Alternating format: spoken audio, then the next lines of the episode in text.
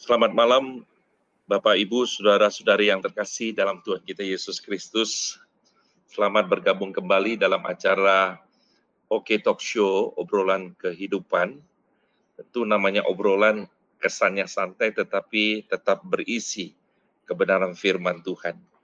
Malam hari ini kita akan membahas kebenaran firman Tuhan dan tentunya saudara-saudara kita rindukan tetap mendarat dan juga aplikatif seperti biasanya pada malam hari ini, Bapak Ibu, saudara-saudara yang terkasih, saya tidak sendirian, tetapi malam ini saya ditemani seorang narasumber, dan saya yakin Bapak Ibu, saudara-saudara sudah mengenal beliau. Pada malam hari ini kita bersyukur narasumber kita Pendeta Andre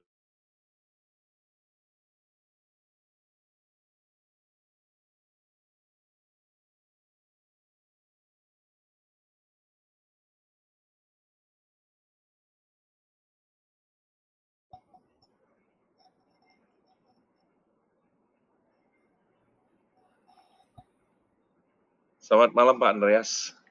Selamat malam Pak Randy. Ya, sorry ada sedikit mungkin gangguan iya, signal iya, karena mungkin hmm. ini jam-jam yang cukup sibuk. Banyak orang juga on air gitu Pak. Iya, oke okay, Pak. Hmm, betul, Apa kabar betul. Pak Andreas? Baik Pak, terima kasih. Kabar baik. Ya, tentu cukup sibuk ya Pak Andreas. Hmm, begitulah Pak mempersiapkan untuk semester yang baru. Ya. Oh ya, di masa pandemi tetap eh, lebih sibuk kali ya Pak. Sepertinya begitu, malah ya. kesannya lebih sibuk dari hari-hari yang normal dulu. Oh iya. Baik Pak, senang sekali pada malam hari ini Pak Andreas bisa menjadi narasumber kita pada malam hari ini. Dan Pak Andreas, eh, saya itu wajib untuk memperkenalkan narasumber seperti sebelum-sebelumnya. Jadi kasih, izinkan saya memperkenalkan Pak Andreas. Jadi mohon maaf kalau ada kesalahan juga menyebut Pak Andreas ya. Oke, uh, Pendeta Andreas Himawan mendapatkan gelar BTH dari STT Saat Malang dan memperoleh gelar MTH dan THD dari Trinity Theological College Singapura dan saat ini beliau menjadi dosen dan ketua senat dari STT Amanat Agung dan chairperson Asia Theological Association dan juga anggota Dewan Pengawas Badan Musyawarah Perguruan Tinggi Keagamaan Kristen Indonesia atau disingkat BMPTKKI. Dan beliau juga adalah anggota Komisi Teologi dan Liturgi dari Persekutuan Gereja-Gereja di Indonesia atau PGI. Jadi luar biasa Pak Andreas eh, dalam pemahaman teologi dan tentu juga pengalaman pelayanan nih. Pada malam hari ini kami yakin akan memberkati kita sekalian. Ya, terima kasih Pak Andreas boleh menjadi narasumber kita. Sama-sama Pak Nandi. Kita berikan aplaus kepada narasumber kita pada malam hari ini. Baik, saudara-saudara yang terkasih dalam Tuhan, dalam kesempatan pada malam hari ini juga, saudara bisa uh, berpartisipasi khususnya untuk memberikan pertanyaan ya kepada kita narasumber kita pada malam hari ini. Tentunya tidak semua pertanyaan kita bisa bahas karena waktu kita cuma satu setengah jam. Jadi kita berusaha maksimal untuk menjawab beberapa pertanyaan dari Bapak, Bapak Ibu dan saudara-saudara sekalian. Dan Bapak Ibu saudara bisa menulis pertanyaannya uh, di chatting YouTube GKBJ Kelapa Gading. Sekali lagi di channel YouTube GKBJ Kelapa Gading. Dan baik kita langsung masuk kepada topik pembahasan kita. Malam ini kita akan bahas satu topik yang sangat benar sekali, yaitu yang sering kali gereja-gereja ketika kita beribadah kita mengucapkannya ya di dalam pengakuan iman rasuli ada 12 poin dan ini poin yang keempat berbicara tentang turun ke dalam kerajaan maut. Oke, Pak Andreas kita langsung saja ya karena Silakan. waktu eh, begitu cepat berlalu dan kita rindu mendapatkan banyak tentu uh, berkat dari Pak Andreas. Uh, Pak Andreas, kalimat turun ke dalam kerajaan maut itu ada dalam pengakuan iman rasuli. Dan ada banyak gereja, gereja membacakan uh, frase ini. Tapi kalau tidak salah, awal abad-abad pertama, kedua, ketiga, ya katanya sampai abad yang ketujuh, ada frasa ini tidak ada sampai kemudian abad yang ke-8 mulai ada lagi, tapi masih ada keraguan-raguan, sampai kemudian hmm. abad reformasi, ada tokoh reformator seperti Martin Luther, Calvin, Melanchthon, Zwingli, menerima frase ini baru mulai gereja mulai dengan PD nih Pak istilahnya, ah. mulai mengatakan turun ke dalam kerajaan maut tapi abad yang ke-19-20 mulai dipersoalkan lagi tentang frase ini turun ke dalam kerajaan maut. Nah, Pak Andreas, kami ingin bertanya, apa arti kerajaan maut itu sendiri? Uh, Pak Randy, tadi kalimat terakhir Bapak agak terpotong. Bisa diulangi, Pak? Ya, uh, apa arti turun ke dalam kerajaan maut? ya karena gereja-gereja kan sekarang mulai hmm. mengucapkannya awal-awal masih ragu tapi iya. sekarang yeah. hampir 12 butir hmm. itu turun ke dalam kerajaan maut itu frase itu ada gitu. Nah, kita kan sering ngomong ucapin hmm. di dalam ibadah supaya hmm. kita juga mengerti nih apa artinya turun ke dalam kerajaan maut. Okay. Monggo yeah. Pak Andreas. Oke, okay, Pak Randy. Ya. Pertama mungkin soal sejarahnya dulu sekilas saja Pak ya. Uh, tadi Bapak katakan dari abad ke-8. Sebenarnya dari abad-abad awal, uh, kata-kata seperti ini ataupun yang kurang lebih seperti ini dipakai. Baik mm. secara pribadi, Bapak-Bapak gereja, mereka mm. menggunakan istilah turun ke dalam kegelapan, turun ke dalam uh, kematian, turun ke dalam neraka, itu dipakai ya mm. oleh Bapak-Bapak gereja. Dan ketika di masukkan ke dalam apa yang sekarang kita kenal sebagai pengakuan iman rasuli itu sesungguhnya di akhir abad keempat ya tahun 300-an itu sudah mulai dimasukkan ya hmm. khususnya uh, dalam satu dokumen yang kita punya sampai sekarang dari seorang bernama Rufinus itu hmm. sudah ada uh, pengakuan iman rasuli yang mula-mula dan sudah memasukkan kalimat turun uh, yang kita sekarang terjemahkan turun ke dalam kerajaan maut. Di abad ke-8 memang baru kita kita dapatkan satu uh, susunan yang lengkap pengakuan iman rasuli yang seperti kita punya pada saat ini itu ditemukan dari dokumen di abad yang ke-8. Jadi hmm. dok, yang kita pakai sekarang itu berangkat dari dokumen yang ada di abad ke-8. Namun kita tahu persis dari uh, tulisan-tulisan uh, tokoh-tokoh gereja mula-mula sebenarnya bentuk-bentuk pengakuan seperti ini uh, baik yang memasukkan kalimat turun ke dalam kerajaan maut maupun tidak itu sudah dipakai dari sangat awal bahkan dari abad kedua. Dan kemudian nanti di abad ketiga kalimat-kalimat turun ke dalam kerajaan maut itu sudah mulai dipakai bapak-bapak gereja. Kemudian di akhir abad keempat sudah mulai masuk ke dalam bentuk awal dari pengakuan iman rasuli. Dan dibentuk akhir atau fin, draft finalnya yang di abad ke-8 itu sudah sudah ada di situ begitu Pak. Ya. Dan uh, memang sampai sekarang banyak orang memasalahkan sebenarnya bukan karena apakah dulu awalnya mengapa tidak dimasukkan, mengapa baru dimasukkan di abad-abad berikutnya. Sebenarnya pengakuan iman rasuli dalam bentuk yang paling lengkap memang semuanya itu dari abad yang ke-8 ya. Uh, tetapi kalau biasanya orang memasalahkan uh, ayat tersebut atau kalimat tersebut lebih kepada tidak terlalu percaya kepada uh, bentuk teologinya yaitu hmm. bahwa Yesus turun ke dalam kerajaan maut itu. Nah, hmm. kedua hmm. soal pertanyaan Bapak tadi, apa yang dimaksud dengan istilah apa tadi Pak turun ke dalam ke dalam, turun ke dalam kerajaan maut? Ya ini eh, terjemahan bahasa Indonesia ini agak sedikit kurang bisa dipahami sesungguhnya. Kalau hmm. di dalam bahasa aslinya itu bahasa Latin, hmm. Itu ditulisnya uh, inferna. Ya kita tahu dari kata itu inferno itu neraka ya kata neraka. Jadi kalau bahasa Inggris memang terjemahan biasanya selalu diterjemahkan dengan descend into hell, turun ke dalam neraka. Neraka. Turun ke dalam neraka. Dan kalimat kata seperti itu sebenarnya cukup bagus juga karena kalau sebut kerajaan maut, alam maut, kita agak kurang bisa paham juga apa yang dimaksudkan hmm. begitu. Hmm. Nah, kalau mau sedikit kita menggali kata-kata yang mungkin uh, kurang lebih bisa dipakai untuk inferna atau inferno ini atau neraka. Memang kalau di dalam perjanjian lama uh, biasanya untuk dunia kematian itu digunakan kata Seol. Seol. Seol, ya. Kalau di perjanjian baru biasa digunakan kata Hades. Hmm, hmm. Itu dunia kematian ya. Tetapi hmm. ketika pengakuan iman rasuli menggunakan turun ke neraka ya descended into hell, soalnya bukan hanya mau bilang Yesus mati gitu. Hmm.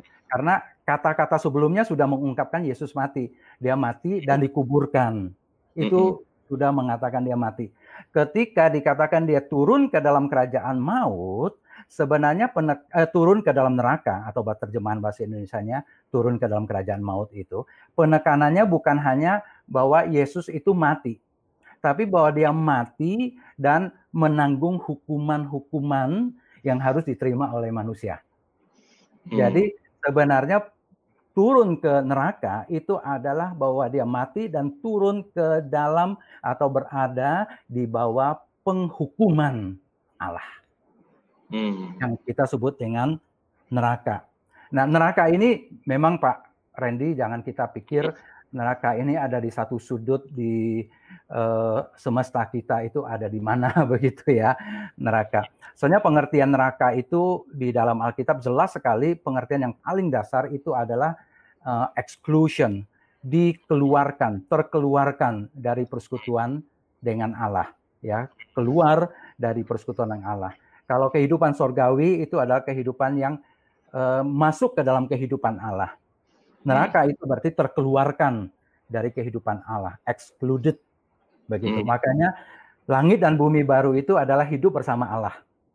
Hmm. Makanya kalau tidak hidup bersama Allah di langit dan bumi baru, berarti orang itu adalah excluded, terkeluarkan dari persekutuan dengan Allah dan Alkitab menyebutnya sebagai neraka.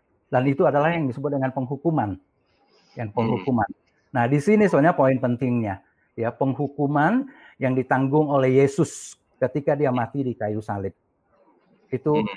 ha, uh, sangat penting. Banyak yang kita bisa bicarakan bagian ini, tapi saya yakin Pak Randy ada pertanyaan-pertanyaan ya, lanjutan ya, ya.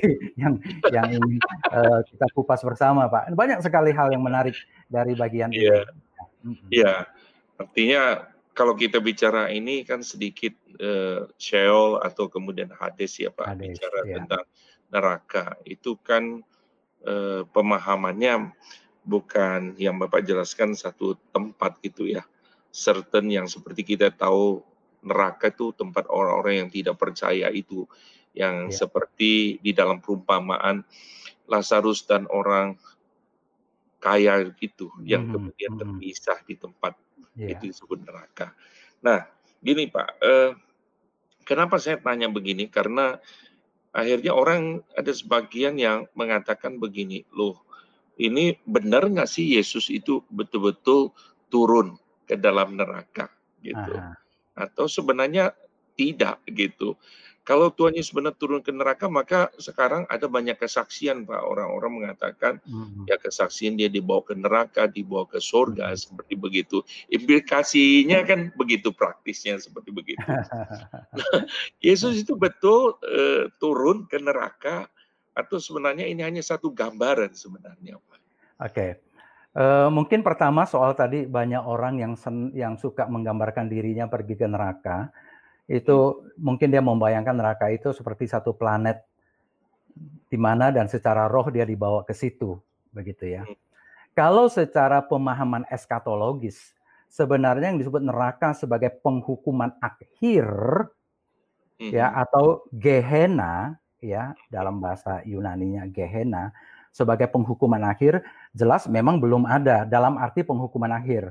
Kenapa? Karena perjalanan kita belum berakhir, Pak belum selesai, ya kan?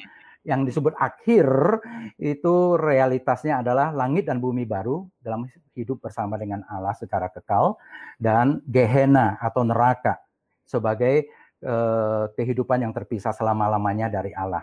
Tapi itu terjadi pada waktu kedatangan Yesus Kristus yang kedua kali. Hmm, hmm. Jadi kalau sekarang kita bilang ada orang masuk ke neraka dalam arti penghukuman akhir itu belum belum terjadi, Pak. Belum ada karena Kristus belum datang. Ya. Hmm. Tapi tentu bahasa figuratif orang bisa mengatakan ini panasnya seperti neraka, ini kehidupan seperti neraka.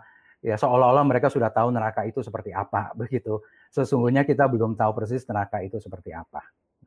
Namun neraka itu atau seperti yang digunakan dalam pengakuan iman rasuli itu adalah suatu penggambaran jadi bukan simbol Pak ya, tapi ini penggambaran tentang penderitaan dan penghukuman yang dialami oleh Yesus ketika dia mati di kayu salib.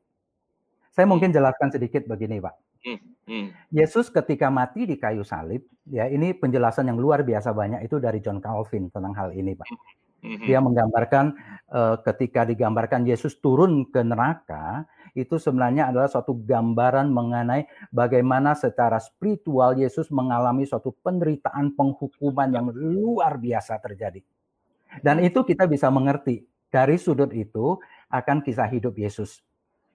Hmm. Misalnya kita melihat begini, di malam terakhir sebelum Yesus ditangkap dan dibunuh, dia berdoa di Taman Getsemani.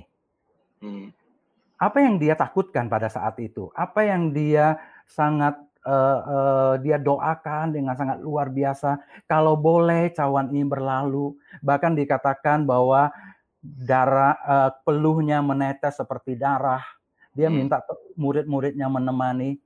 Hmm. Ini kalau hanya gambaran bahwa Yesus takut mati, disalib dan mati, mungkin bahkan kita mengatakan Yesus kok penakut sih, begitu ya. Karena iya. sebenarnya banyak orang berani mati, panglima berani mati, prajurit, tentara berani mati di medan perang dan mereka tidak akan ketakutan seperti apa yang Yesus alami di uh, ke Taman Getsemani. Tapi hmm. mengapa Yesus merasa beban begitu berat? Bukan karena soal mati saja, mati dan dikubur, tapi dia mati sebagai orang yang terkutuk, sebagai orang yang memikul dosa seluruh dunia. Hmm. Ini berarti beban neraka di seluruhnya ditimpakan kepada dia. Istilah dia kematian dia sebagai orang terkutuk itu bukan istilah saya, itu istilah Alkitab. Galatia 3 ayat 13 dikatakan Yesus mati uh, terkutuk, kemudian Yesus mati memikul dosa di 2 Korintus 5 21 ya. Yesus mati sebagai orang berdosa, dia karena dia mati memikul dosa. Jadi dia sudah bisa membayangkan penghukuman yang begitu berat ketika dia mengatakan iya kepada kehendak Allah. Jadi kematiannya itu bukan hanya sekedar dia mati kehabisan darah, tapi mati sebagai orang yang memikul dosa-dosa, mati sebagai orang yang terkutuk. Hmm. Oleh karena Allah menghukum dia yang memikul dosa-dosa manusia. Manusia kan yang seharusnya memikul dosa-dosa dan penghukuman itu, tapi Yesus menggantikan kita. Dan kita tahu persis karena itulah maka mengapa di kayu salib Yesus berteriak, Allahku, Allahku, mengapa engkau meninggalkan aku? Hmm. Apa artinya meninggalkan Yesus kalau bukan neraka? Ya, Calvin mengatakan begini, perasaan Yesus yang memikul dosa, yang uh, ditinggalkan oleh Allah, perasaan yang begitu mendalam, itulah neraka, kata uh, John Calvin dan saya kira itu betul yaitu ditinggalkan oleh Allah ketika dia mati dan memikul dosa. Jadi ketika tanya betul nggak Yesus mengalami apa yang disebut dengan penderitaan neraka itu betul hmm. karena dia memikul dosa-dosa dan penghukuman kita. Begitu hmm. Pak. Tapi bukan bukan turun dalam arti tempat yang serta tempat yang tentu begitu ya Pak. Betul, ya bukan. Sebenarnya memang kita agak sulit juga, mau nggak mau kita membayangkan uh, kalau kita sebut sesuatu surga, Hades, Gehenna, neraka, kita pasti membayangkan sebagai tempat. Hmm, hmm. Karena kita nggak mungkin berpikir di luar ruang dan tempat. Jadi memikirkan itu sebagai tempat sih oke-oke saja. Cuman kalau terlalu jauh memikirkan sebagai tempat, kita mungkin akan berpikir ada di mana ya letaknya, di dekat planet mana dia letaknya, atau di tengah-tengah antara ini apa alam semesta dengan Allah ada satu tempat khusus. Jadi mau nggak mau kita menggambarkannya sangat-sangat bersifat spasial. Dan itu memang kesulitan kita untuk menggambarkannya. Tetapi umumnya di dalam teologi Kristen tidak menyebutnya sebagai tempat, place, tapi sebagai kondisi, Pak. Kondisi. kondisi ya. jadi kondisi state, state, ya. Satu kondisi keterpisahan, bukan satu tempat, tapi satu kondisi. Masuk ke dalam satu kondisi yang keterpisahan itulah yang disebut dengan penghukuman. Penghukuman ya. kekal itulah yang disebut dengan neraka, begitu. Jadi kalau ada ada juga pandangan berkata turun ke dalam kerja maut, maut itu dalam arti kuburan. Bahwa Tuhan uh, itu iya. uh, selama tiga hari itu berarti hmm. dalam kuburan itu adalah pandangan yang salah ya Pak Andreas ya. Uh, iya, uh, Calvin bagus sekali menjelaskan itu. Kalau Bapak ada waktu, saya akan kasih tahu sedikit bagaimana Calvin yeah. mencoba menjelaskan hal itu, John Calvin. Uh, sebenarnya kalimat pengakuan iman rasuli itu sudah sangat jelas. Yesus mati dan dikuburkan gitu. Hmm. Dan sebenarnya tidak dibutuhkan lagi kata-kata penjelas, gitu kan? Kalaupun dibutuhkan kata penjelas, pasti yang lebih mampu dipahami daripada kubur, begitu kan? Iya. Tapi jadi nggak mungkin kata turun ke dalam kerajaan maut atau turun ke neraka itu sebagai penjelas bagi kata kubur itu. Pasti memang membawa makna tambahan dari kematian Yesus itu. Ya, jadi ini uh, penjelasan John Calvin dan saya percaya sekali bahwa itu betul. Jadi bukan sekedar hanya untuk menjelaskan pemahaman Yesus mati dan dikubur tiga hari, maka digunakanlah kata dia turun ke dalam neraka. Tetapi turun ke dalam neraka itu mempunyai makna teologis tertentu. Dan John Calvin menyebutnya, dan saya sangat-sangat setuju, sebenarnya pengakuan iman rasuli untuk dalam hal penebusan manusia, kata ini turun ke neraka itu adalah satu gambaran ringkas tentang penebusan kita dari uh, apa dosa-dosa kita. Sebenarnya itu betul. Kalau hanya Yesus mati sebagai manusia dan dikubur kemudian dia bangkit, malah tidak disebutkan di tengah-tengah itu apa yang dilakukan untuk kitanya, begitu. Hmm.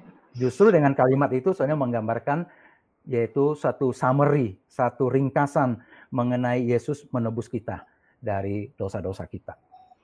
Apakah ini bicara tentang penebusan Kristus yang bukannya pada setelah dia berinkarnasi untuk semua hmm. Yang uh, setelah Tuhan Yesus berinkarnasi, tapi termasuk juga sebelumnya, Pak. Ini menggambar completeness-nya gitu. Mungkin itu. Uh, maksudnya sebelum orang-orang sebelumnya maksudnya. Sebelum sebelum Tuhan Yesus berinkarnasi. Ya. Jadi kan Tuhan Yesus berinkarnasi datang dalam hmm. dunia ini Nah, kan orang sekarang banyak mempertanyakan penebusan itu menyangkut hmm. bagaimana nih setelah orang yang tidak kenal Tuhan Yesus dalam perjanjian lama itu bagaimana? Hmm. Kan? okay. Okay. Apakah termasuk itu okay. juga sesungguhnya yang betul Pak? Betul. Oh. Penebusan itu adalah uh, tindakan Yesus untuk seluruh manusia. Artinya bukan Betul. hanya untuk ke depan, hmm. tapi untuk ke belakang. Ya, Eh, karena satu kali tindakan tentu itu berlaku. Manfaat dari penebusan Yesus itu untuk seluruh orang, untuk yang di belakang maupun untuk yang di depan. Hmm. Okay. Mungkin pertanyaannya adalah soal bagaimana orang yang di belakang itu kok bisa mendapatkan manfaat dari kematian ya. Yesus. Uh -uh. Uh, kalau boleh saya ilustrasi kayak begini, Pak. Memang Sebenarnya kejar, Pak. Ya, silakan Pak, gimana Pak? Enggak, memang itu yang mau ditanyakan tadi tadi. Oh, Oke. Okay. ya, ya. Oke, oke. Ya, jadi memang itu yang ingin Bapak tanyakan ya? Iya. Oke, okay, oke. Okay. Uh, eh, sebenarnya kalau mau diilustrasikan kira-kira seperti begini, Pak. Uh, kalau kita makan di restoran, itu ada yang sifatnya kita makan dulu baru bayar. Hmm. Gitu kan ya. Hmm. Tapi ada restoran juga yang uh, bayar dulu baru makan. Hmm.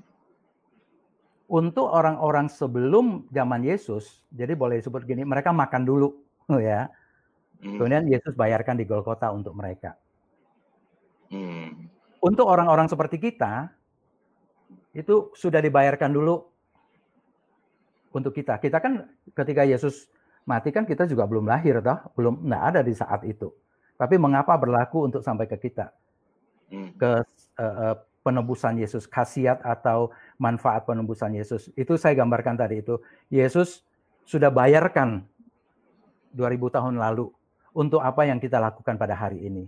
Ya, kalau kita makan tadi, saya umpamakan sebagai kita berdosa pada hari ini, Yesus sudah bayar 2000 tahun lalu. Sehingga kita bisa mengklaim itu untuk pengampunan dosa kita. Orang-orang sebelum Yesus sudah makan dulu, artinya sudah berdosa dulu, kemudian Yesus bayarkan pada waktu dia mati di kayu salib. Namun untuk bisa menerima ini, kemanfaatan Yesus, Alkitab selalu menyebutnya sebagai percaya, Pak, iman.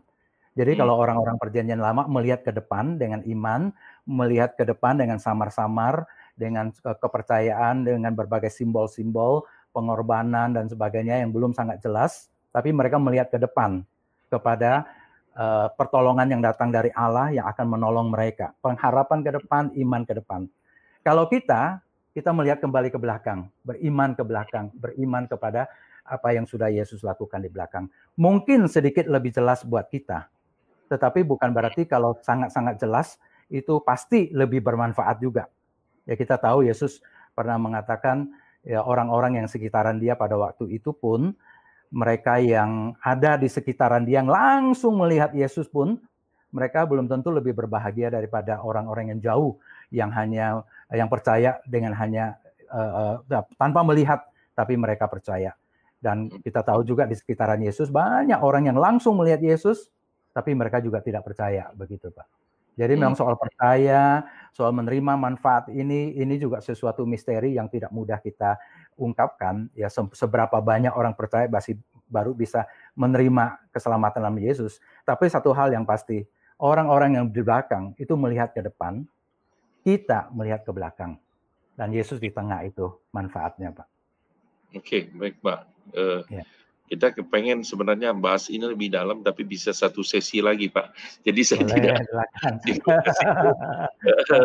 tapi kita hmm. khususnya berkaitan dengan poin ya, ya. dalam kerajaan ya. maut sendiri ya, betul, ya Pak. Betul, Pak. Uh, kata turun ke dalam kerajaan maut itu kan tidak frase kalimat itu tidak secara eksplisit Pak ditemukan di dalam Alkitab. Gitu ya. ya. Betul. Uh, tapi para sarjana teologi tentunya ya yang sebelum-sebelum kita jauh mereka yang mengerjakan hmm. PR-nya mereka ambil ada yang dari 1 Petrus 3 18 sampai 20. Ya. Nah, menurut Pak Andreas apakah benar ini dasar Alkitabnya gitu, Pak? 1 Petrus eh, pasal pasal 3 18 sampai dengan 20. Hmm. Saya bacakan demikian bunyi firman okay, Tuhan. Hmm. Sebab juga Kristus telah mati sekali untuk segala dosa kita. Ia yang benar untuk orang-orang yang tidak benar, supaya membawa kita kepada Allah. Ia yang telah dibunuh dalam keadaannya sebagai manusia, tetapi yang telah dibangkitkan menurut roh. Dan di dalam roh itu juga ia pergi memberitakan Injil kepada roh-roh yang di dalam penjara, yaitu kepada roh-roh mereka yang dahulu pada waktu Nuh tidak taat kepada Allah, ketika Allah tetap menantikan dengan sabar waktu Nuh sedang mempersiapkan bahteranya, di mana hanya sedikit, yaitu delapan orang yang diselamatkan oleh air bah itu. Hmm. Nah, Pak Andreas, ada yeah. mengatakan ini turun ke dalam kerajaan maut itu di dalam ayat yang ke-19 ini di dalam roh ia juga pergi memberitakan Injil kepada roh-roh yang di dalam penjara yaitu roh-roh mereka yang dahulu pada waktu Nuh tidak taat kepada Allah. Apakah betul, Pak, seperti ini?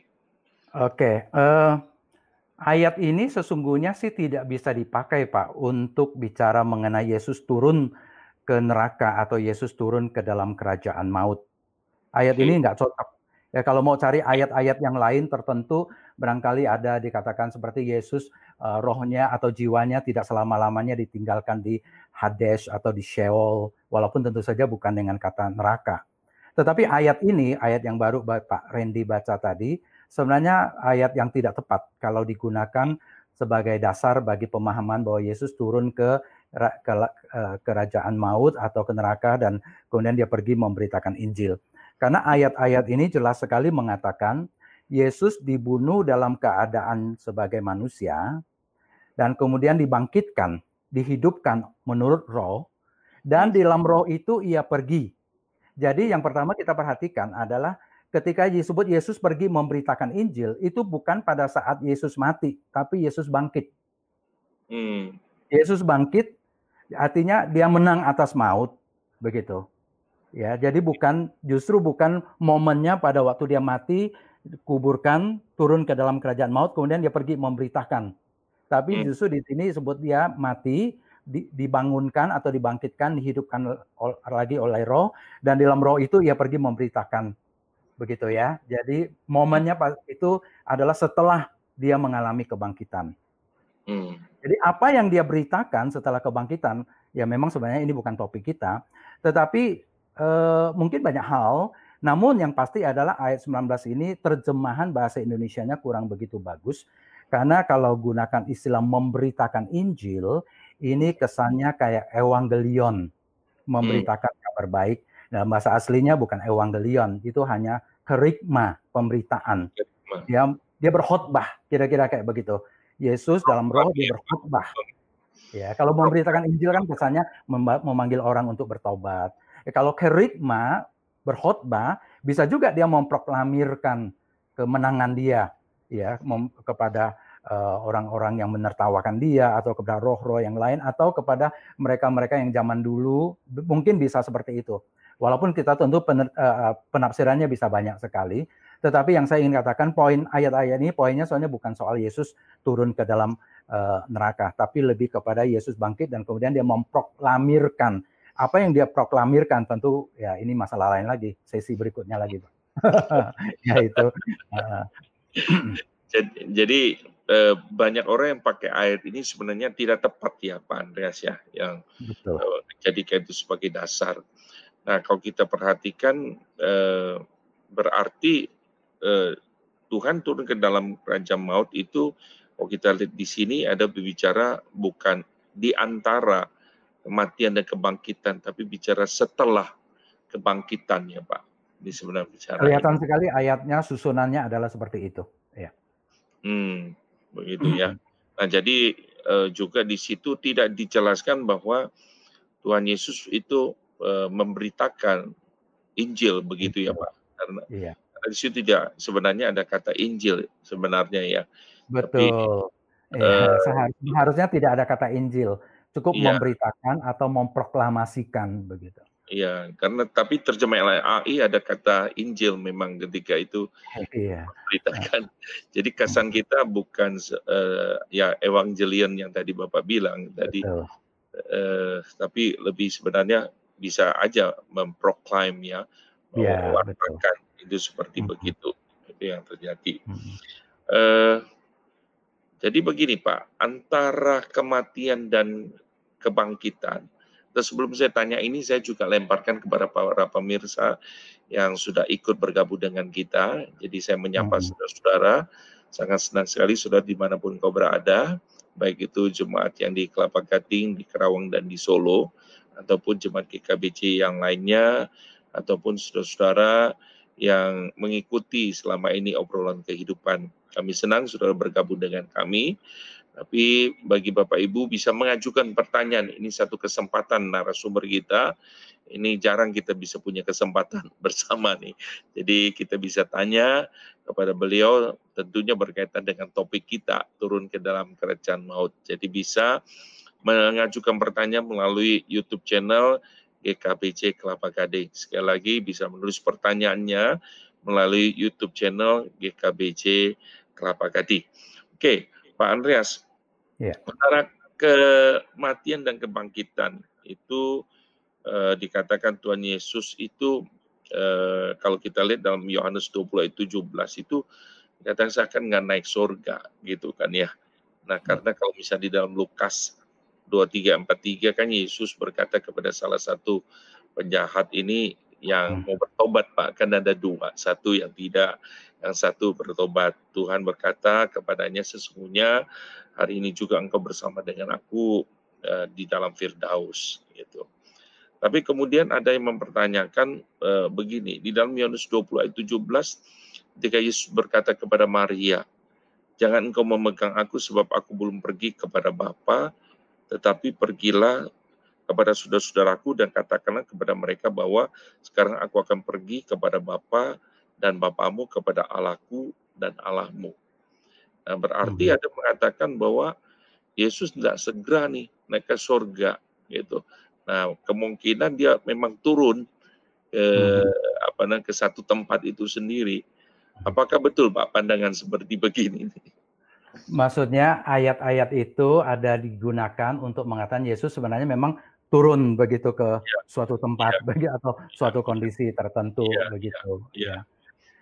Uh, karena waktu dia bilang bangkit kebangkitan ketemu Maria, jangan zaman saya nih, saya belum hmm. pergi gitu. Uh, belum pergi kepada Bapak. Tapi itu setelah ya. kebangkitan, Pak, ya kan? Iya betul betul. Ya, setelah kebangkitan. Jadi setelah bukan kebangkitan. Uh, ya setelah kebangkitan. Jadi memang penafsiran juga banyak apa yang dimaksudkan oleh Yesus.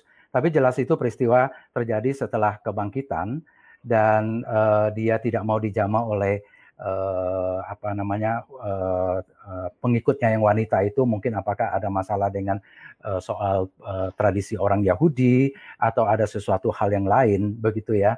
Tetapi jelas sekali itu tidak berkaitan dengan soal dia turun ke dalam kerajaan maut atau turun ke dalam neraka itu begitu.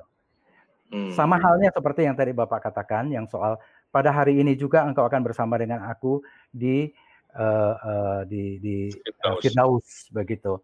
Nah, apakah yang maksud dengan hari itu pada hari itu secara literal betul-betul hari itu sebelum matahari terbenam? Apa pada saat ini dalam pengertian suatu momen begitu ya?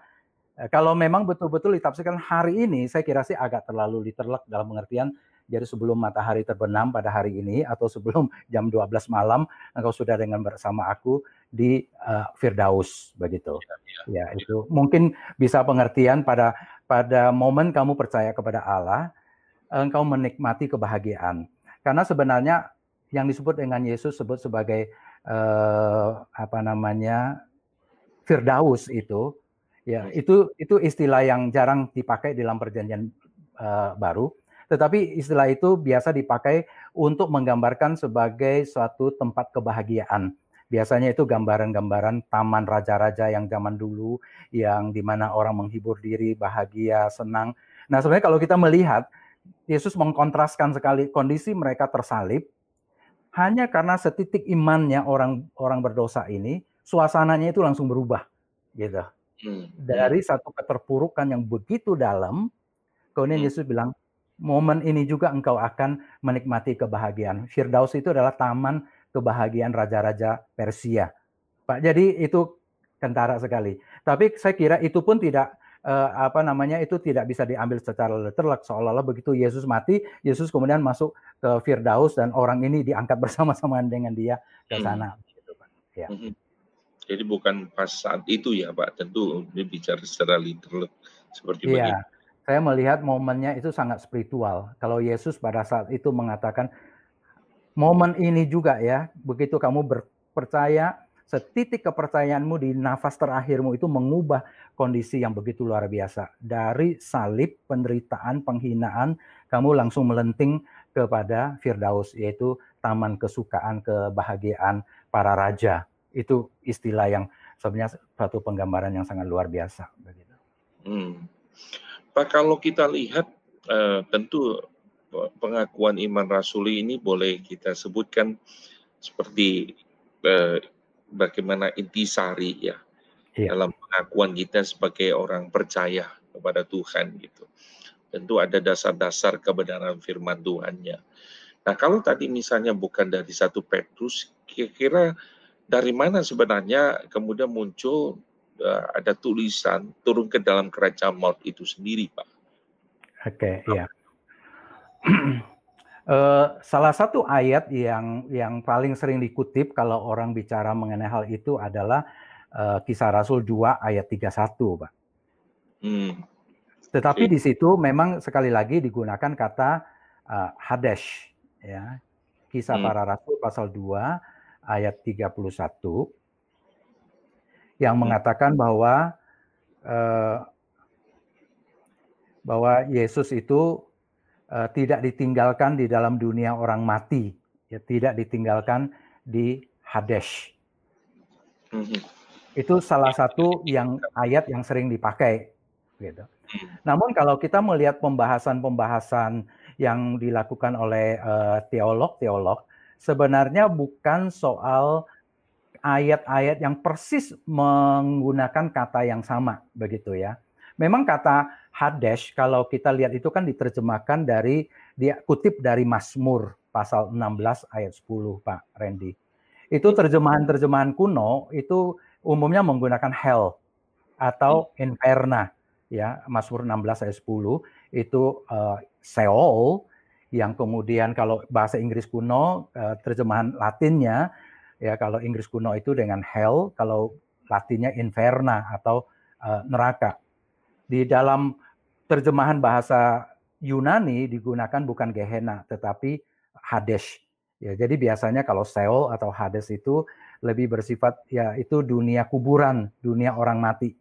Namun kalau kita menggali lebih dalam perkataan eh, apa pemahaman-pemahaman dari Sheol khususnya Sheol dan kemudian Hades itu sebenarnya juga digambarkan sebagai dunia kegelapan, dunia yang di bawah sana, dunia yang penuh dengan uh, berbagai uh, kegelapan dan uh, kehidupan yang tidak uh, yang terpisah dari kita di mana tidak ada pujian kepada Allah dan sebagainya begitu Pak. Jadi hmm. penggambaran seperti itu yang dipakai kalau mau menggunakan ayat-ayat. Uh, Tetapi teolog, teolog sebenarnya biasanya tidak menggunakan uh, hanya ayat yang menggunakan istilah itu, tetapi menggunakan pemahaman teologis untuk menyetujui penggunaan kata turun ke neraka tersebut. Ya, misalnya yang seperti tadi saya kutip uh, perkataan Yesus di atas kayu salib, Allahku, Allahku, mengapa engkau meninggalkan aku? Ya, atau perkataan di dalam Galatia bahwa Yesus mati sebagai orang terkutuk, perkataan di 2 Korintus bahwa Yesus mati sebagai orang berdosa yang memikul dosa. Dia karena dia memikul dosa, dia di, uh, dianggap sebagai orang berdosa. Kemudian dalam Yesaya 53 dia memikul dosa kita, dia memikul uh, pelanggaran-pelanggaran kita. Kalau dia mati sebagai orang yang seperti itu, maka destination-nya adalah neraka, yaitu tempat penghukuman. Hmm. Dia mati sebagai orang yang dihukum oleh Allah. Jadi sebenarnya konsep itulah yang sebenarnya membuat orang setuju kalimat itu harus tetap ada di dalam pengakuan iman rasuli. Justru ya itu adalah summary, ringkasan dari penebusan Yesus bagi manusia yang berdosa begitu. Hmm. Jadi uh, kalau kita perhatikan memang ada sebuah pertimbangan-pertimbangan teologis ya Pak. Betul sekali Pak Randy, betul sekali. Ya. Jadi bukannya bicara tentang ya dia mati dikuburkan ya bangkit dari ketiga tapi juga iya penting kalimat turun ke dalam kerajaan maut itu kerajaan sendiri. Maut, betul. Sebenarnya Pak Randy, kalau kita melihat praktek gereja saat ini, mm-hmm. uh, ada gereja-gereja memang mencabut kata itu atau frase itu turun ke neraka itu dicabut. Ya, saya mm. tahu ada gereja-gereja tertentu yang melakukannya. Ada mm. gereja yang tegas sekali mengatakan uh, harus ada di situ, begitu. Mm. Tapi mm-hmm. memang agak sedikit uh, lucu juga. Ada gereja-gereja yang mencantumkan tapi dikasih tanda kurung. Begitu. Hmm. Dikasih tanda kurung. Saya hmm. berkali-kali sih menganjurkan uh, lebih baik jangan ada tanda kurung. Ini pengakuan iman itu adalah uh, ikrar kita. Ikrar itu harus yakin, komitmen. Kalau percaya ya percaya, jangan tanggung-tanggung, begitu kan? Jadi hmm. lebih baik kalau memang ada gereja yang nggak setuju, dia nggak nggak tampilkan dia dicoret begitu dia tidak pakai. Uh, ada kalau gereja setuju jangan pakai tanda kurung karena kalau tanda kurung itu kan seperti ragu-ragu. Ragu-ragu uh, ya. Ya saya aku percaya kepada ini percaya. Waktu turun ke dalam kerajaan maut kemudian kita bilang hmm, percaya apa enggak ya begitu ya jadi sepertinya uh, bukan pengakuan iman lagi itu malah jadi uh, keraguan iman jadi kalau mau baca baca, kalau enggak enggak begitu ya Pak. Betul. Nah, gereja memang harus punya punya uh, pendirian seperti itu. Kalau saya saya setuju itu harus ada di situ.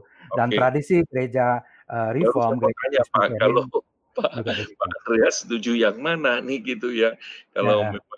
mau dibaca kenapa misalnya hmm. ada keraguan akan hal ini gitu padahal ini sesuatu yang kalau dari penjelasan Pak Andreas ini kan sangat esensi sekali begitu kan.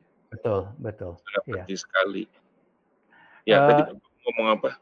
Sorry. Betul Pak. Yang itu keraguannya tadi mungkin yang tadi soal dua itu yang Bapak tadi sebut karena dulu ada pengakuan iman kita kok enggak ada di di includekan di dimasukkan ayat hmm. ini begitu. Tapi sebenarnya itu bukan alasan bagus karena banyak juga kata-kata lain yang sebenarnya tidak, awalnya juga tidak dimasukkan ke dalam pengakuan iman.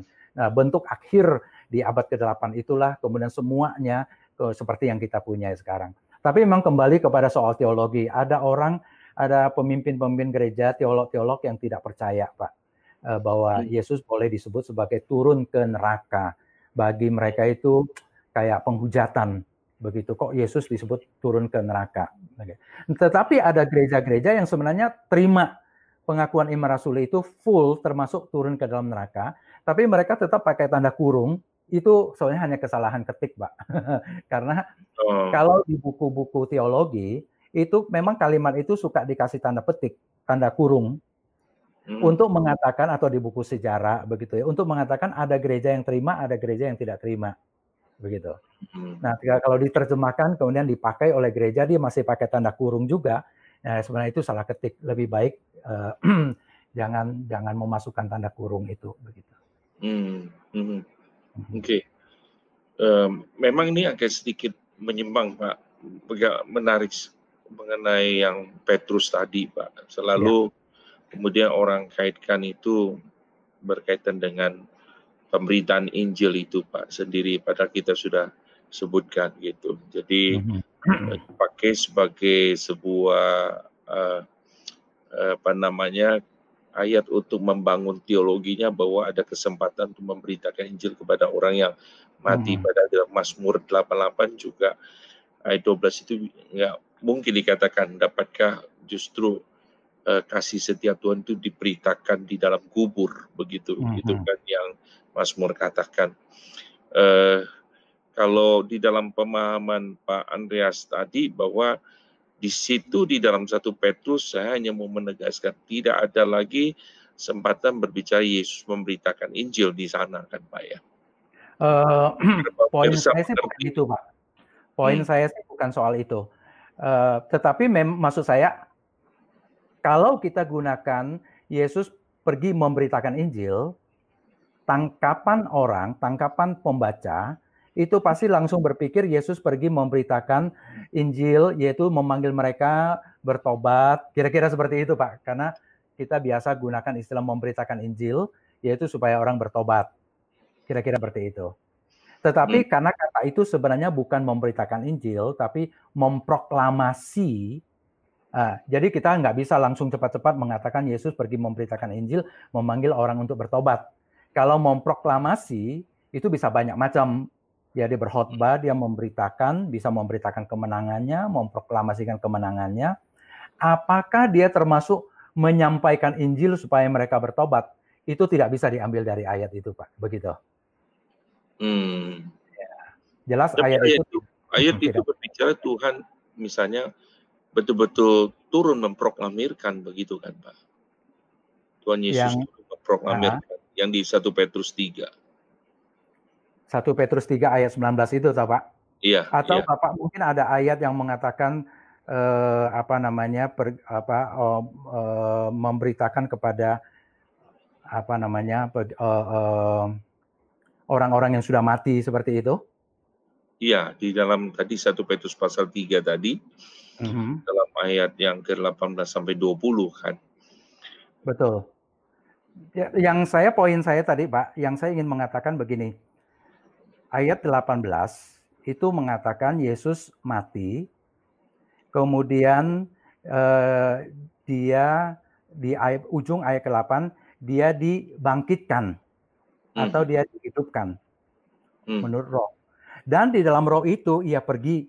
Jadi ketika dikatakan dia pergi memberitakan, itu movementnya adalah setelah dia dibangkitkan, Pak. Begitu. Iya, ya, itu. Jadi bukan pada waktu dia mati yang kita sebut turun ke dalam neraka.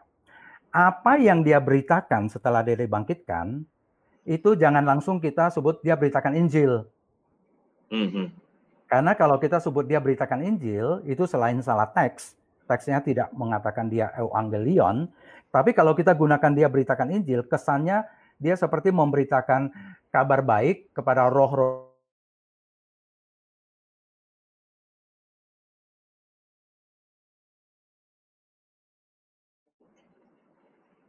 Iya, terputus Pak Andreas.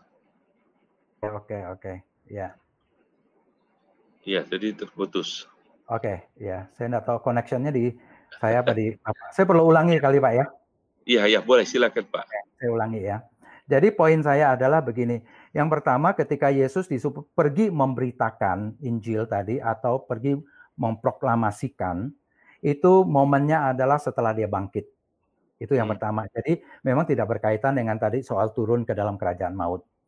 Ketika dia dikatakan pergi memberitakan, kita juga jangan langsung menggabungkan dengan kata pergi memberitakan Injil. Karena pertama, masalah teks di situ memang bukan pergi memberitakan Injil, tapi dia memproklamasi atau memproklamirkan. Kalau kita menggunakan kata memberitakan Injil, itu kesannya Yesus pergi memberitakan kepada orang-orang roh-roh zaman dulu untuk bisa bertobat lagi. Nah, gara-gara seperti itulah maka ada orang-orang berpikir kita juga bisa pergi ke dunia orang mati, masuk ke dunia roh-roh dan kemudian kita memberitakan Injil kepada eh, orang-orang yang sudah mati supaya mereka bertobat begitu Pak. Hmm. Nah, hmm. dan ayat itu tidak bisa dipakai untuk pemahaman yang seperti demikian Pak. Jadi maksud saya saya mau coba dari sudut uh, pemirsa nih Pak. Uh, frase turun ke dalam kerajaan maut itu adalah peristiwa yang terjadi sebelum kebangkitan. Betul. Betul. Itu ya Pak pemahamannya ya. Betul. Dan ya. tadi di 1 Petrus pasal 3 18 sampai 20 itu bicara tentang peristiwa yang lain. Itu iya, betul sekali. Setelah betul kebangkitan sekali. begitu betul, kan ya. Betul. Jadi itu setelah, setelah kebangkitan. Jadi nah. ini dua peristiwa yang berbeda sebenarnya. Betul. Dan juga eh, beda gitu tujuannya jelas sekali ya Pak. Kalau di sini tadi bicara tentang sebelum kebangkitan frase turun ke dalam kerja maut, artinya yang tadi Bapak jelaskan dari Paman John Calvin, jadi eh, Kristus mengalami penderitaan yang luar biasa digambarkan untuk menebus yeah. dosa umat manusia. Karena bicara tentang apa namanya keterpisahan itu sendiri ya, bicara tentang turun ke dalam kerjaan maut. Sedangkan yang satu Petrus itu berbicara Tuhan Yesus memproklaim ya jadi kemenangan itu sendiri. Jadi itu frase tidak bisa dipakai untuk memberitakan Injil atau jadi dasar orang untuk PI buat orang mati gitu. Betul. Artinya masih itu yang saya ingin katakan betul Pak. Ya itu yang saya ingin katakan betul. Hmm.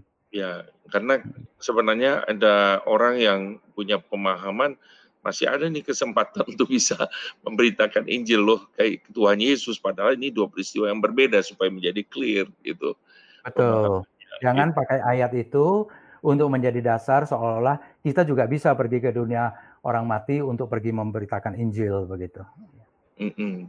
Padahal kalau kita melihat jelas sekali tidak ada kesempatan lagi kalau orang sudah mati untuk bisa diberitakan Injil ya dan LAI itu tadi nggak ada Injilnya tapi kemudian memberitakan saja gitu ya.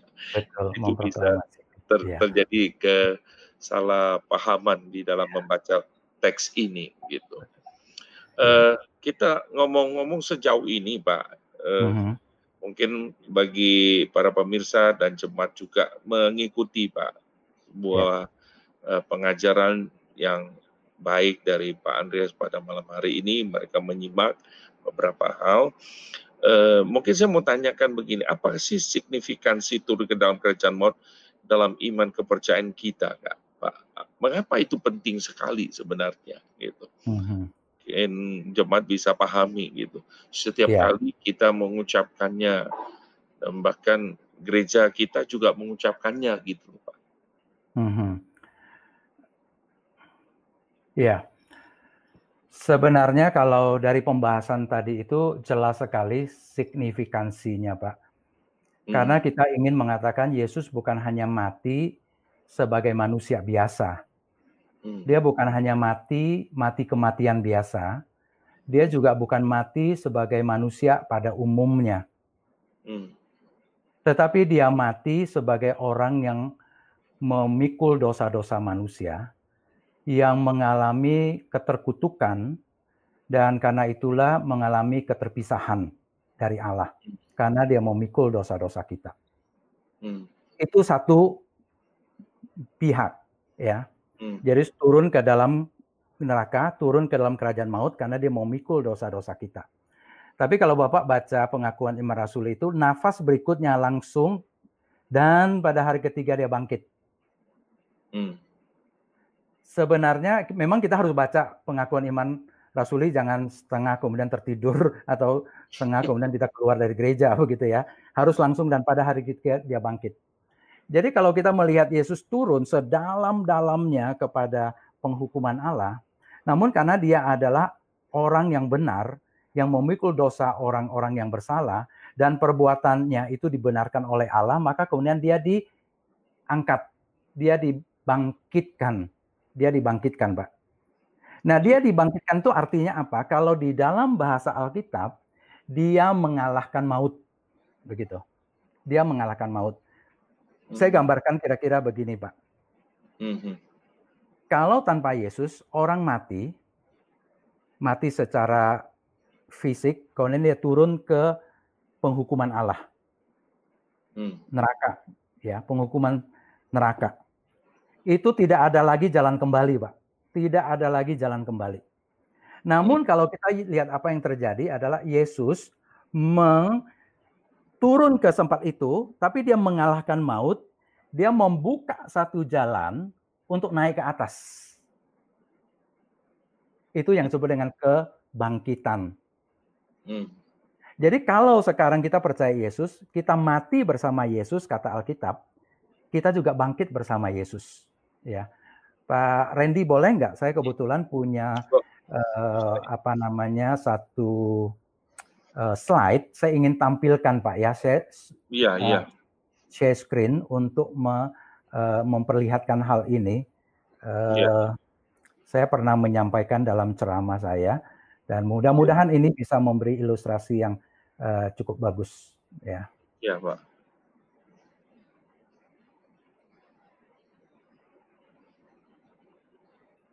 Oke. Apakah sudah tampil, Pak? Ya, ini sudah, Pak. Ce Betul ya? Uh, saya, saya ada coba. dua, Pak. Yang ini mungkin. Oh, oke. Okay. Saya uh, sebentar. Saya stop dulu. Ya.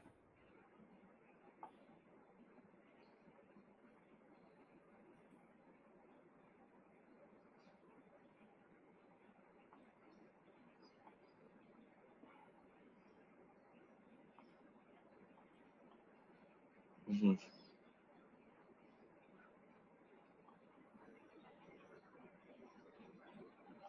Oke Pak ya, saya akan akan uh, ya saya share screen sekarang Pak ya. Iya iya. Oke.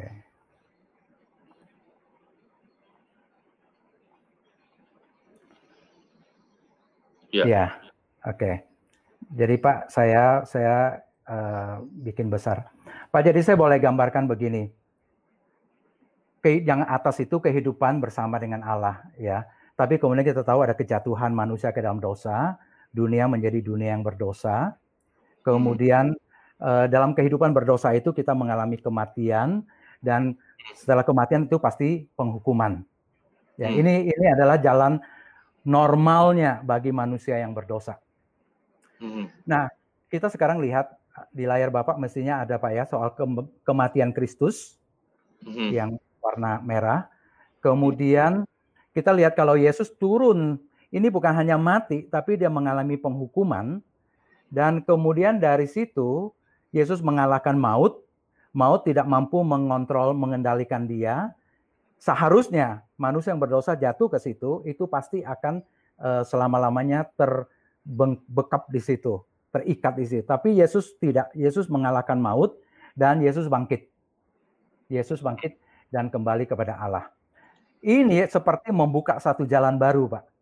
Sehingga bagi mereka yang mati bersama Kristus, dia turun tetapi mengapa dia tidak selama-lamanya tinggal dalam dunia kematian? Karena dia mengikuti jalur yang sudah dibuka oleh Yesus. Dia bangkit bersama Yesus. Karena Alkitab mengatakan demikian kan, kita bangkit bersama Yesus, kita mati bersama Yesus, kita juga bangkit uh, bersama dengan uh, Yesus. Sebenarnya ini uh, poinnya Pak. Mengapa ini menjadi sangat penting dalam pemahaman mengenai uh, ini saya sudah stop uh, signifikansi dari soal pengakuan bahwa Yesus turun ke dalam kerajaan maut. Dia turun itu sebenarnya sekaligus turun sebagai pahlawan untuk mengalahkan uh, penguasa maut. Dengan demikian dia menggali satu jalan baru. Melalui kebangkitannya dia membuka satu jalan baru buat kita. Sehingga ketika kita turun ke dalam kematian, kita tidak perlu lagi mengalami penghukuman karena Kristus sudah menanggung untuk kita. Kita hmm. tidak akan lagi di, selama-lamanya dikekap di dalam kematian karena kita mengikuti Yesus mengalami kebangkitan. Karena itulah maka kalimat pengakuan iman rasuli itu begitu bagus. Dia turun ke dalam kerajaan maut, pada hari ketiga dia bangkit. Itu artinya membuka satu uh, jalan baru ke situ. Dan juga Pak, signifikansi lain yang kalau kita lihat jelas sekali kita bisa lebih memahami pergumulan Yesus ketika dia akan mengalami kematian atau di saat kematian hmm. itu. Ya, kalau Yesus mati hanya semua mati biologis biasa, pergumulan hmm. itu tidak akan bisa kita pahami. Kok bisa sampai sepenakut itu? Tapi justru karena dia mati sebagai orang yang memikul dosa dan harus mengalami penghukuman itu, akhirnya kita mengerti kisah hidup Yesus itu. Itu salah satu uh, signifikansi yang lainnya dari apa yang kita pahami soal Yesus turun ke dalam uh, kerajaan maut ini, Pak. Hmm, ya, sangat menarik sekali, Pak. Uh, terima kasih. Kalau kita lihat kan berarti kalimat itu sangat penting sekali ya, Pak Andreas ya. Betul, Jadi, sangat bagi saya itu sangat-sangat penting. Ya. Jadi ini bukan sekedar dipahami Tuhan Yesus hanya turun ke neraka dipahami sebagai tempat, tapi sesungguhnya menggambarkan eh, pengorbanan Tuhan waktu menghadapi khususnya menggantikan kita sebagai manusia yang berdosa. Keterpisahan itu ya Pak yang Betul. Bapak gambarkan ya. yang yang sangat penting sekali. Jadi keterpisahan kita dengan Tuhan, makanya tidak ada yang sanggup murid-muridnya berpikir mungkin sanggup untuk meminum cawan pahit itu Betul. sendiri. Karena, itu. Karena murid-muridnya berpikir mungkin sama Pak, seperti dengan kita Pak, minum yeah. cawan pahit yeah. ya, hmm. ya orang Yahudi udah biasa kan Pak, udah tahu ya pasca yang yeah. pahit itu Betul. ya pasti kita juga minum obat pahit juga bisa begitu kan Pak, Betul. tidak sepahit ya yang hmm. dialami oleh eh, Tuhan Yesus yang secara pergumulan, secara rohani keterpisahan. Jadi kalau kita mengucapkan itu hmm. harus dengan keseriusan pengakuan iman rasul itu sendiri ya Pak. Saya sangat-sangat setuju Pak. Oh, jadi bukan ragu-ragu tadi seperti yang Pak Andres katakan, ah. tapi sebut dengan ke, keyakinan itu sendiri. Gitu. Betul. Uh, mungkin Pak, ini para pemirsa sekaligus Pak, mungkin di kesempatan eh, eh, apa namanya bisa gambarkan kepada kita kenapa sih sebenarnya pengakuan iman rasul ini penting Pak, supaya rekan-rekan di sini memahami eh, tidak hanya kalimat itu tetapi secara keseluruhan pada waktu kita mengucapkan tadi Pak Andres sudah bilang jangan ragu-ragu gitu. Iya. Apalagi dikasih tanda kurung gitu. iya. Mengapa pengakuan iman rasuli itu penting, Pak ya? Iya, artinya ya. Penting dan harus kita serius mengucapkannya, bukan cuma kalimat yang tadi Bapak bilang uh, di dalam kurung begitu. Betul. Pak, kalau kita memahami sejarah terbentuknya pengakuan iman rasuli, kita sebenarnya baru menyadari betapa pentingnya pengakuan iman rasuli ini. Pengakuan iman rasuli ini terbentuk kalau kita lihat bentuknya itu bentuk yang trinitaris ya, percaya pada Bapa, pada Anak dan pada Roh Kudus. Itu terbentuk pada awalnya itu adalah pengakuan pada waktu pembaptisan, Pak. Jadi hmm. ketika seseorang mau dibaptis, dia akan ditanya dan dia harus mengucapkannya secara keluar dari mulutnya. Apakah engkau percaya kepada Allah Bapa pencipta langit dan bumi dan orang yang mau menerima baptisan itu harus mengucapkan, Ya, aku percaya kepada Allah Bapa pencipta langit dan bumi. Kedua, hmm. apakah engkau percaya kepada Yesus Kristus, anak Allah, dan seterusnya. Dan kemudian dia akan mengucapkan, menjawab, Ya, aku percaya kepada Yesus Kristus, anak Allah, dan seterusnya. Ketiga, apakah engkau percaya kepada roh kudus, pemberi kehidupan? Dan dia akan menjawab, iya saya percaya kepada Roh Kudus, Allah hmm. yang memberikan kehidupan. Hmm. Ketika dia mengucapkan itu secara verbal, itu betul-betul harus diluapkan dari hati yang percaya. Hmm. Karena apa? Pada zaman itu, Pak, taruhannya nyawa ketika mengucapkan kepercayaan ini. Hmm. Cobalah kita membayangkan ada seorang saudara di lingkungan satu agama lain yang mungkin 99,9 persen adalah agama lain dan kemudian dia mengatakan dia percaya kepada Yesus dan minta dibaptis dan hmm. baptisnya di di pinggir sungai di antara keramaian orang, Pak. Begitu hmm. ya. Dan dia hmm. harus mengucapkan dan mengatakan aku percaya kepada Allah Bapa. Aku percaya kepada Yesus Kristus, aku percaya kepada Roh Kudus. Dan pendeta pada waktu itu mengatakan dalam nama Allah Bapa, Allah Anak, Allah Roh Kudus yang engkau percayai, aku baptiskan engkau. Hmm. Tindakan itu itu adalah tindakan yang paling heroik, iman yang paling luar biasa, Pak. Hmm. Sebenarnya dari situlah bentuk pengakuan iman rasuli ini muncul. Jadi hmm. ketika kita mengucapkannya hanya uh, semata-mata lip service, liturgi saja gitu ya. saja, mungkin kita kurang paham bahwa orang dulu mengucapkannya itu dengan dengan taruhan nyawa begitu, Pak. Ya. Hmm. Dan memang betul setelah kemudian berkembang ini menjadi satu susunan yang sangat bagus yang terus-menerus diucapkan, tapi orang tetap menyadari bahwa ini muncul dari kondisi yang sangat luar biasa.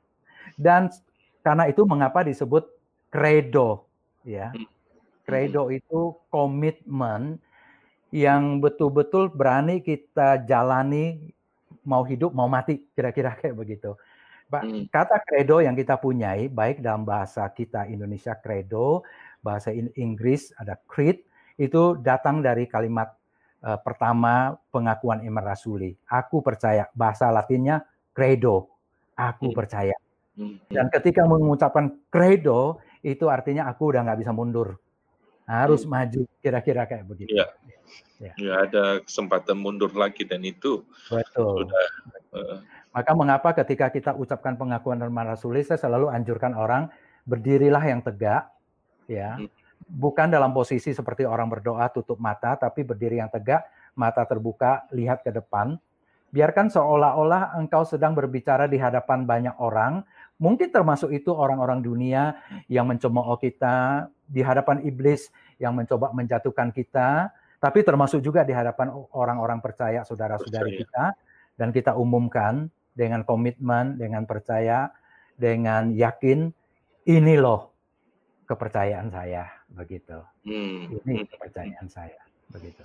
Dan satu lagi Pak, mungkin penting, sebenarnya ucapan yang pendek ini pun adalah ringkasan dari doktrin kepercayaan kita. Hmm.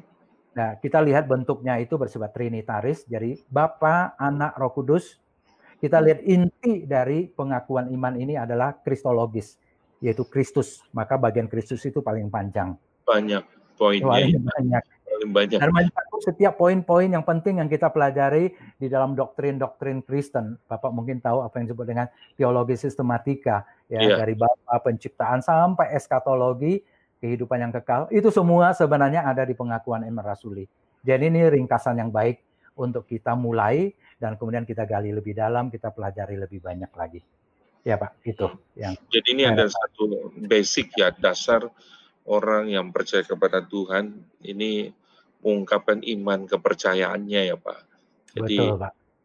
memang Betul. harus keseriusan dan kesungguhan tadi sangat menarik betul-betul kita ikrarkan di hadapan dunia dan tentunya mm -hmm. di hadapan orang percaya di hadapan Tuhan. Betul. Bahkan yang tidak kelihatan juga penghulu-penghulunya bahwa kita itu sungguh-sungguh pengikut Kristus. Jadi Betul. bukan sekedar lip service untuk diucapkan. Setuju, Maka berkaitan dengan apa yang kita katakan tadi uh, turun ke dalam kerja maut itu sungguh-sungguh kita mengakui bahwa pengorbanan Kristus itu besar sekali ya Pak tentunya Setuju. karena uh, tidak gampang karena dia harus terpisah yang Bapak katakan dengan apa namanya dengan Bapak pencipta hmm. tentunya seperti itu. Ya. Sangat menarik Pak, Bapak berikan gambaran itu, makanya saya pikir tidak salah juga Pak, Bapak menjadi anggota Komisi Teologi dan Liturgi PKI Pak.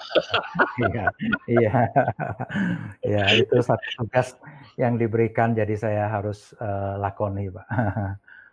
ya. Iya, tetapi pada malam hari ini memberikan sebuah pencerahan tentunya Pak kepada para hmm. pemirsa tentunya mereka mengerti bahwa ini bukan sekedar rutinitas Pak. Kadang itu menjadi sebuah rutinitas yang kita sangat disayangkan pak. Iya sangat disayangkan. Iya. Iya. Ya ini uh, ini ada sedikit uh, ada satu pertanyaan sih pak yang muncul. Cuma memang saya coba tampilkan ini agak sedikit uh, ini kita masih ada waktu pak ya. Oke okay, silakan pak. Agak sedikit. Ini mungkin uh, sedikit dengan berbeda dengan topik kita bahas, tetapi hmm. ini dia tanya begini dari Mapel. Selamat malam, maaf uh, Mas Randy saya telat join. Saya ingin tanyakan ke manakah roh orang percaya apabila meninggal? Apakah ada di tempat sementara dikatakan api penyucian? Terima kasih Pak.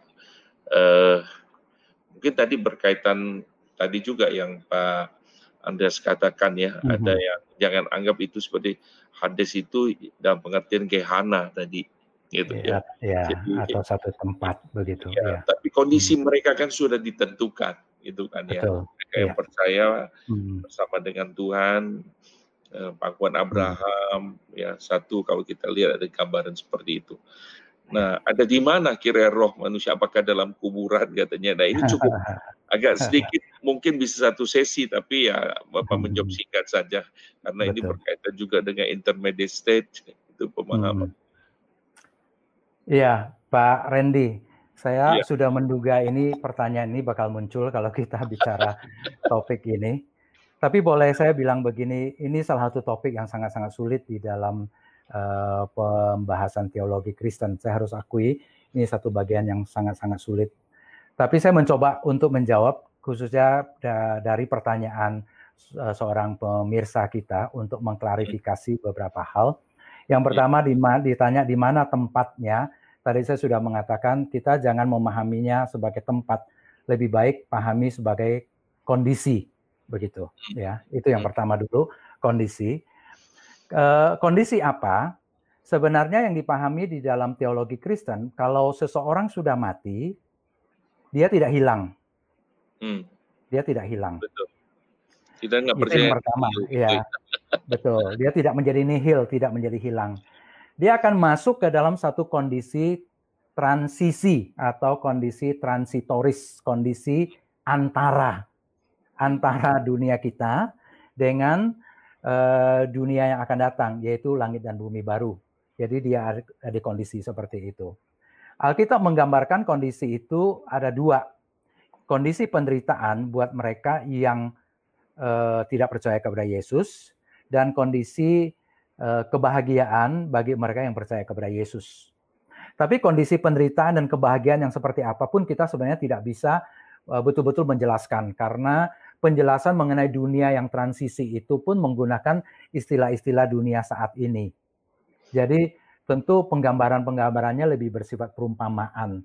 Misalnya Paulus berkata, kalau dia meninggal dia akan akan pergi dia apa bersama dengan Kristus begitu ya. Atau tadi Bapak Randy mengatakan dia ada di pangkuan Abraham, begitu.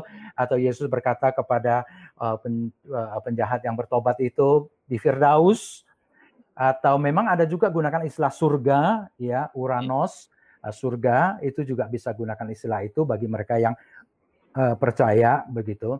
Tetapi kita tidak tahu persis bagaimana, tapi kita tahu itu disebut dengan kondisi kebahagiaan namun itu adalah kondisi kebahagiaan yang transitoris, bukan kondisi akhir. Hmm. Demikian pula buat mereka yang di dalam uh, penderitaan itu pun adalah kondisi uh, sementara, kondisi transitoris.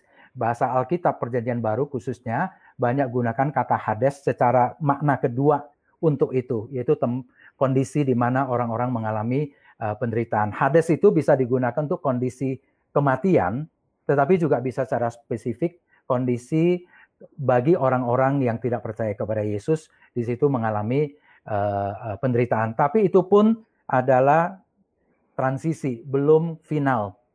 Hmm. Belum terputus Pak Andreas. Mungkin sambungan kita terputus, ada masalah koneksi.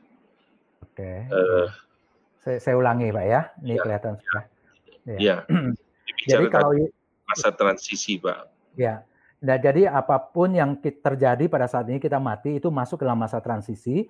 Nanti waktu Yesus datang kedua kali itu baru adalah kondisi akhirnya yaitu langit dan bumi baru bagi mereka yang percaya kepada Yesus dan neraka atau Gehenna bagi mereka yang tidak percaya kepada Yesus. Jadi kalau ditanya ke mana kita pergi setelah mati, kita akan masuk ke dalam kondisi antara itu. Kalau untuk pertanyaan Bapak atau Ibu yang tadi.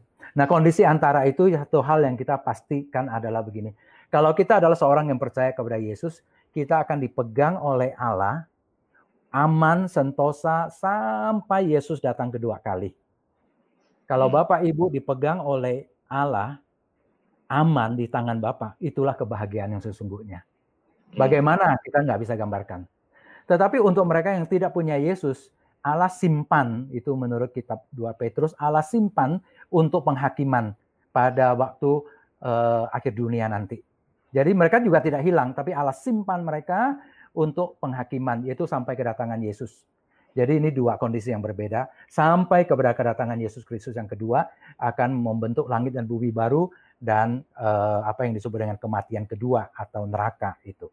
Iya. Dan satu lagi Pak Randy tadi disebut dengan api penyucian. Saya lebih baik klarifikasi juga ya di sini. Hmm. Kalau bicara mengenai kondisi antara, memang kadang-kadang orang bicara mengenai uh, api penyucian atau purgatory. Tapi hmm. Bapak Ibu, kalau Bapak Ibu dari GKBJ, ya, Bapak hmm. Ibu pasti tidak percaya pada doktrin ini. Yeah. Teman-teman kita di gereja Katolik mereka percaya pada purgatori. Hmm. Uh, purgatori yang mereka percaya itu adalah semacam satu kondisi orang-orang percaya, orang-orang yang percaya kepada Yesus mati, tapi karena mempunyai uh, dosa yang jauh lebih besar dari pahalanya, maka mereka perlu dicuci dulu di tempat purgatori tersebut. Jadi hmm. bukan buat juga buat orang-orang yang tidak percaya, tapi orang yang percaya di tempat itu dicuci dulu, baru kemudian nanti masuk surga. Jadi ini hmm. tempat sebelum tempat antara ada tempat antara dulu, kira-kira seperti itu. Nah, hmm. tapi kita tidak percaya. Saya tidak percaya, saya percaya juga Pak Randy tidak percaya ya, akan doktrin yang seperti ini dan Bapak Ibu kalau GKBJ awas enggak itu harus percaya seperti percayanya Pak Randy ya, yaitu kita tidak percaya adanya namanya api penyucian. Kita diselamatkan oleh anugerah Allah di dalam Yesus Kristus. Ya. Iya, Pak. Tapi sedikit Pak walaupun ini bukan last judgment tetapi kondisi mereka sudah ditentukan ya Pak. Sudah ini ditentukan. Ya, Pak. Betul. Ya. Jadi bukan berarti nanti kalau gitu masih nunggu, nunggu masih bisa happy happy, tetapi sudah dipisahkan, sudah ditentukan begitu iya. ya. Kalau happy happy dan gambaran itu mungkin lebih banyak di cerita-cerita film Hong Kong, cerita film Hollywood, begitu ya. Dulu film Warkop uh, itu Dono Kasino Indro, begitu mengenai orang yang di sana. Uh, itu semua hanya gambaran lucu-lucu saja, tetapi jelas uh, kita tidak bisa mempercayai bentuk-bentuk penggambaran yang seperti demikian. Jadi gambaran orang yang dibawa turun ke neraka segala, Pak, terakhir nih, Pak, kira-kira nah. ada dibawa ke sana itu uh, betul atau tidak sebenarnya kalau kita lihat pemahaman doktrin kita ini? Uh, kalau orang tersebut ber, ingin mengatakan saya sudah pernah ke satu tempat yang namanya neraka, hmm. saya tidak percaya karena neraka itu adalah realitas terakhir nanti, begitu.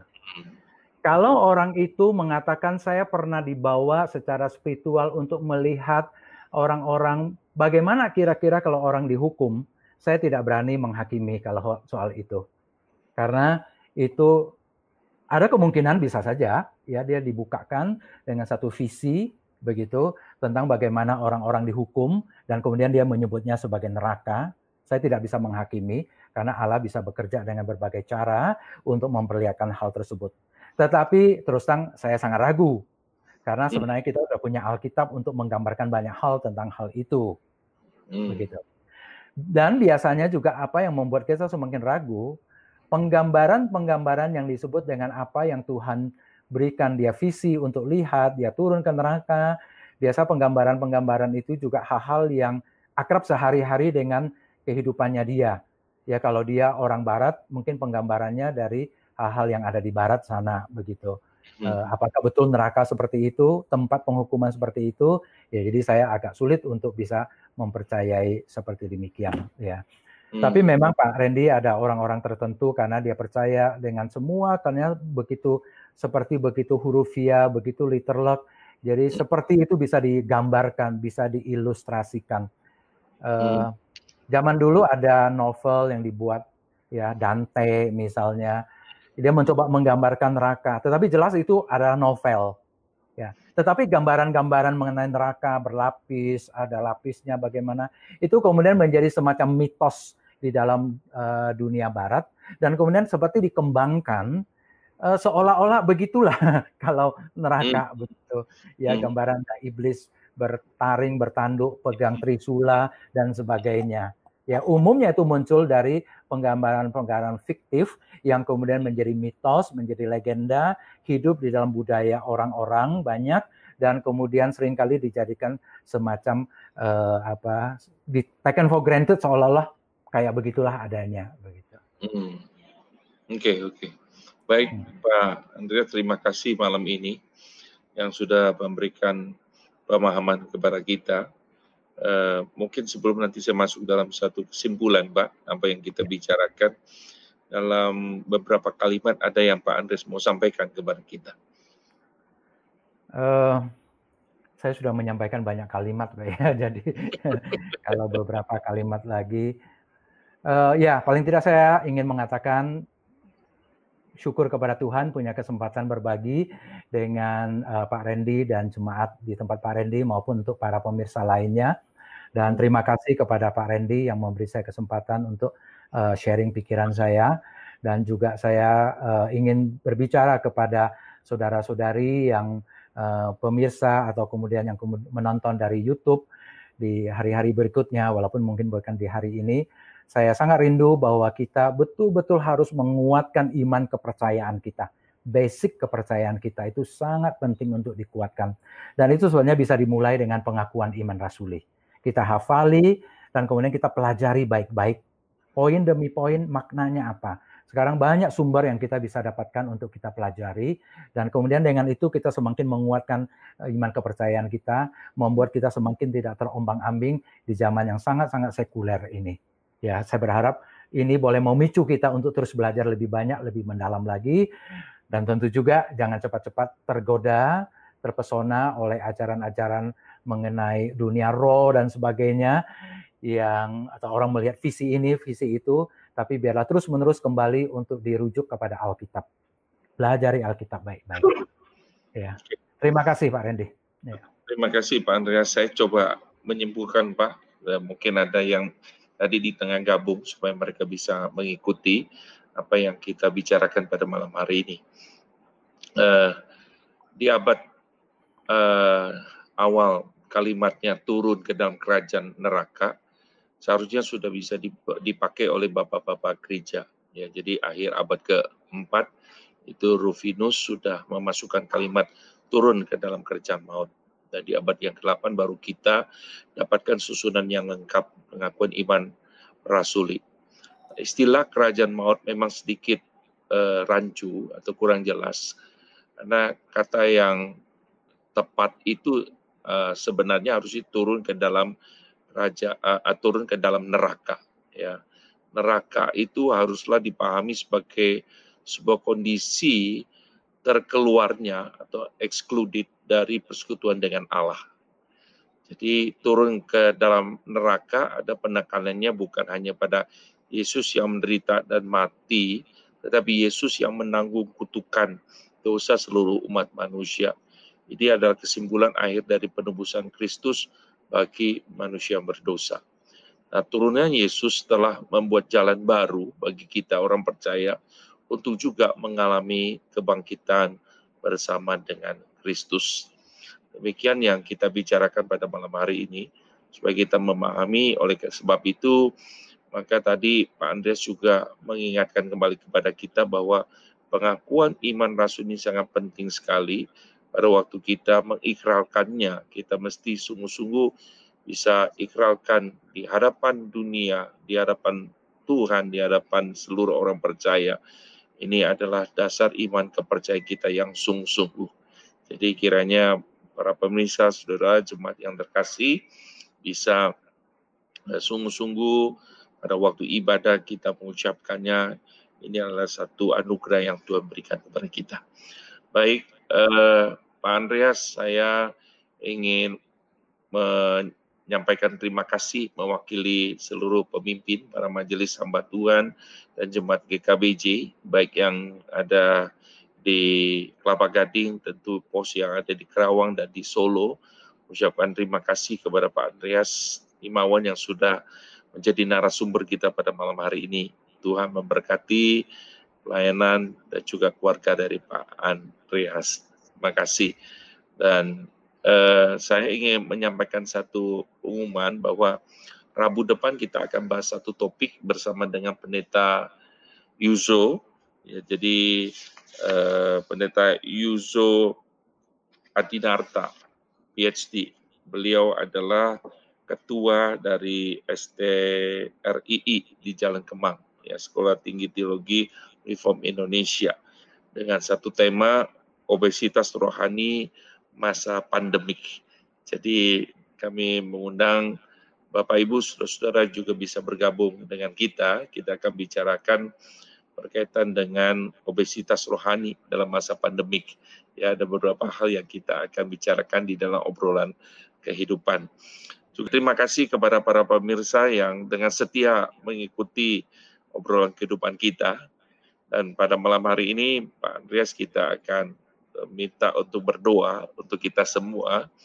Dan ada pemirsa Pak eh, yang minta tolong didoakan juga sekaligus ya mungkin eh, anaknya juga dia bilang mohon tolong doakan eh, anaknya ya namanya Pak Budiman Perlindungan, anak ini namanya Tamara. Ya kita bisa juga doakan Pak, kita juga hmm. doakan untuk seluruh pemirsa, seluruh jemaat. Jadi mohon Pak Andreas bisa pimpin dalam doa. Oke Pak, mari kita berdoa bersama.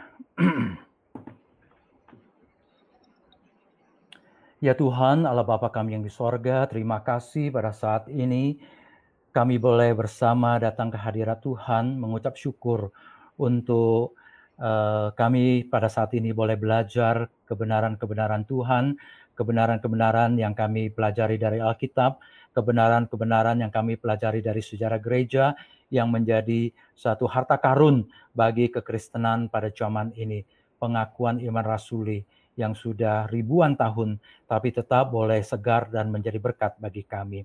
Terima kasih untuk anggota-anggota jemaat, saudara-saudari kami yang sudah mengikuti acara ini. Kami mohon Tuhan Engkau berbicara terus ke pikiran mereka, ke hati mereka, ke dalam seluruh hidup mereka. Boleh mereka terus punya kerinduan untuk bertumbuh dalam iman, dikuatkan terus-menerus.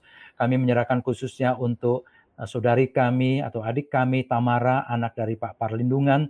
Kami mohon Tuhan Engkau campur tangan untuk uh, untuk saudari kami yang sakit ini, pertolonganmu, mujizatmu Tuhan, jamahanmu Tuhan yang luar biasa boleh menyembuhkan uh, saudari Tamara ini. Kami mohon campur tanganmu juga untuk saudara-saudari kami yang lain pada saat ini berdoa bersama-sama. Mungkin ada sakit penyakit, mungkin ada berbagai keluhan-keluhan tubuh yang tidak sehat. Tuhan kami mohon Engkau campur tangan dan Engkau sembuhkan kami. Dan Engkau juga terus-menerus melindungi kami. Engkau memproteksi kami. Engkau yang terus-menerus memimpin kami dalam kehidupan ini khususnya di masa pandemi yang membuat kami begitu khawatir, kami begitu gelisah, kami bahkan begitu curiga, kami bahkan sangat stres ketika mulai merasa badan tidak enak. Bapak kami di surga, kami ingin menyerahkan hidup kami ke dalam perlindungan Tuhan, ke dalam proteksi Tuhan, dan biarlah ada rasa tenang dan damai dalam hati kami, dan terus-menerus kami boleh menjaga diri kami, menjaga orang lain, supaya tidak tertular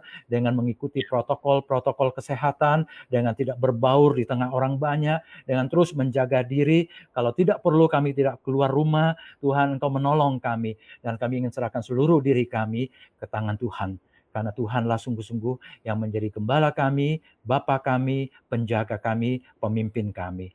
Berkati Pak Randy, dalam tugasnya sebagai hambamu, melayani di gerejamu, Tuhan terus memberkati dan hamba-hamba Tuhan yang lain yang bersama dengan Pak Randy di dalam pelayanannya, Tuhan kembangkan mereka, Tuhan tumbuhkan mereka, Tuhan kuatkan mereka, dan segenap anggota-anggota jemaat GKBJ, Tuhan Engkau jaga peliharakan mereka, dan bahkan setiap saudara-saudari kami walaupun mereka berasal dari gereja-gereja lain, Tuhan Kau lindungi mereka, Engkau pimpin mereka. Kalau suatu saat mereka buka kembali gereja mereka untuk ibadah secara langsung, kami juga ingin Tuhan memberi hikmat bijaksana kepada mereka untuk tahu waktu yang cocok kapan, bagaimana melakukan protokol kesehatan yang baik, dan sebagainya. Tuhan engkaulah yang akan melakukan semua itu untuk kami, supaya kami tidak salah melangkah.